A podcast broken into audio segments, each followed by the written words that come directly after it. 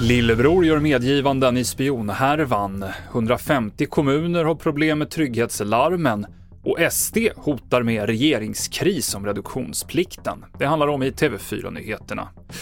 Vi börjar med den stora spionhärvan med två bröder som nu är uppe i hovrätten. Peyman Kia, som dömdes till livstid i tingsrätten, har erkänt spioneri och nu gör även hans lillebror Payam vissa medgivanden. Ja, för första gången nu efter att hela tiden ha nekat så medger han att han faktiskt varit inblandad. Dels handlar det om att han ska ha hjälpt sin äldre bror att ta kontakt med ryska ambassaden genom att skicka ett bud, ett taxibud till ambassaden och så, på så sätt få kontakt med ryska underrättelsetjänsten. Han medger också att han vid två tillfällen varit på Karin Boye-biblioteket i Uppsala och där tagit emot kontanter, de här 50 000 dollar som den äldre brodern har erkänt att man fått.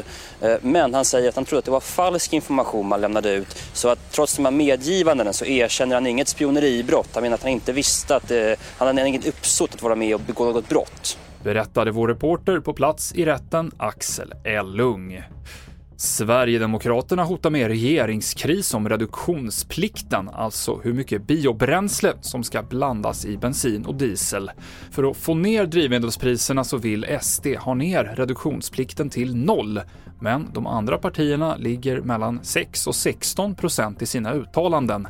Oskar Sjöstedt är ekonomisk-politisk talesperson för Sverigedemokraterna.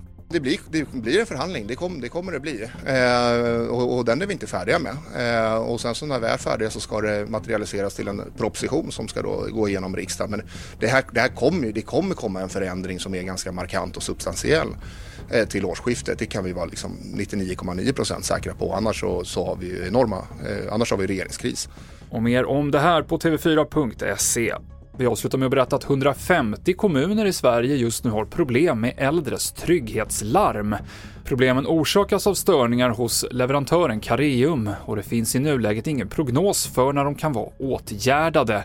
Istället uppmanas anhöriga att ringa till de äldre för att säkerställa att allt är bra. Det avslutar TV4-nyheterna i studion Mikael Klintevall. Ett poddtips från Podplay. I podden Något Kaiko garanterar östgötarna Brutti och jag, Davva, dig en stor dos skratt.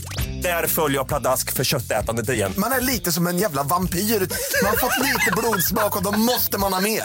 Udda spaningar, fängslande anekdoter och en och annan arg rant.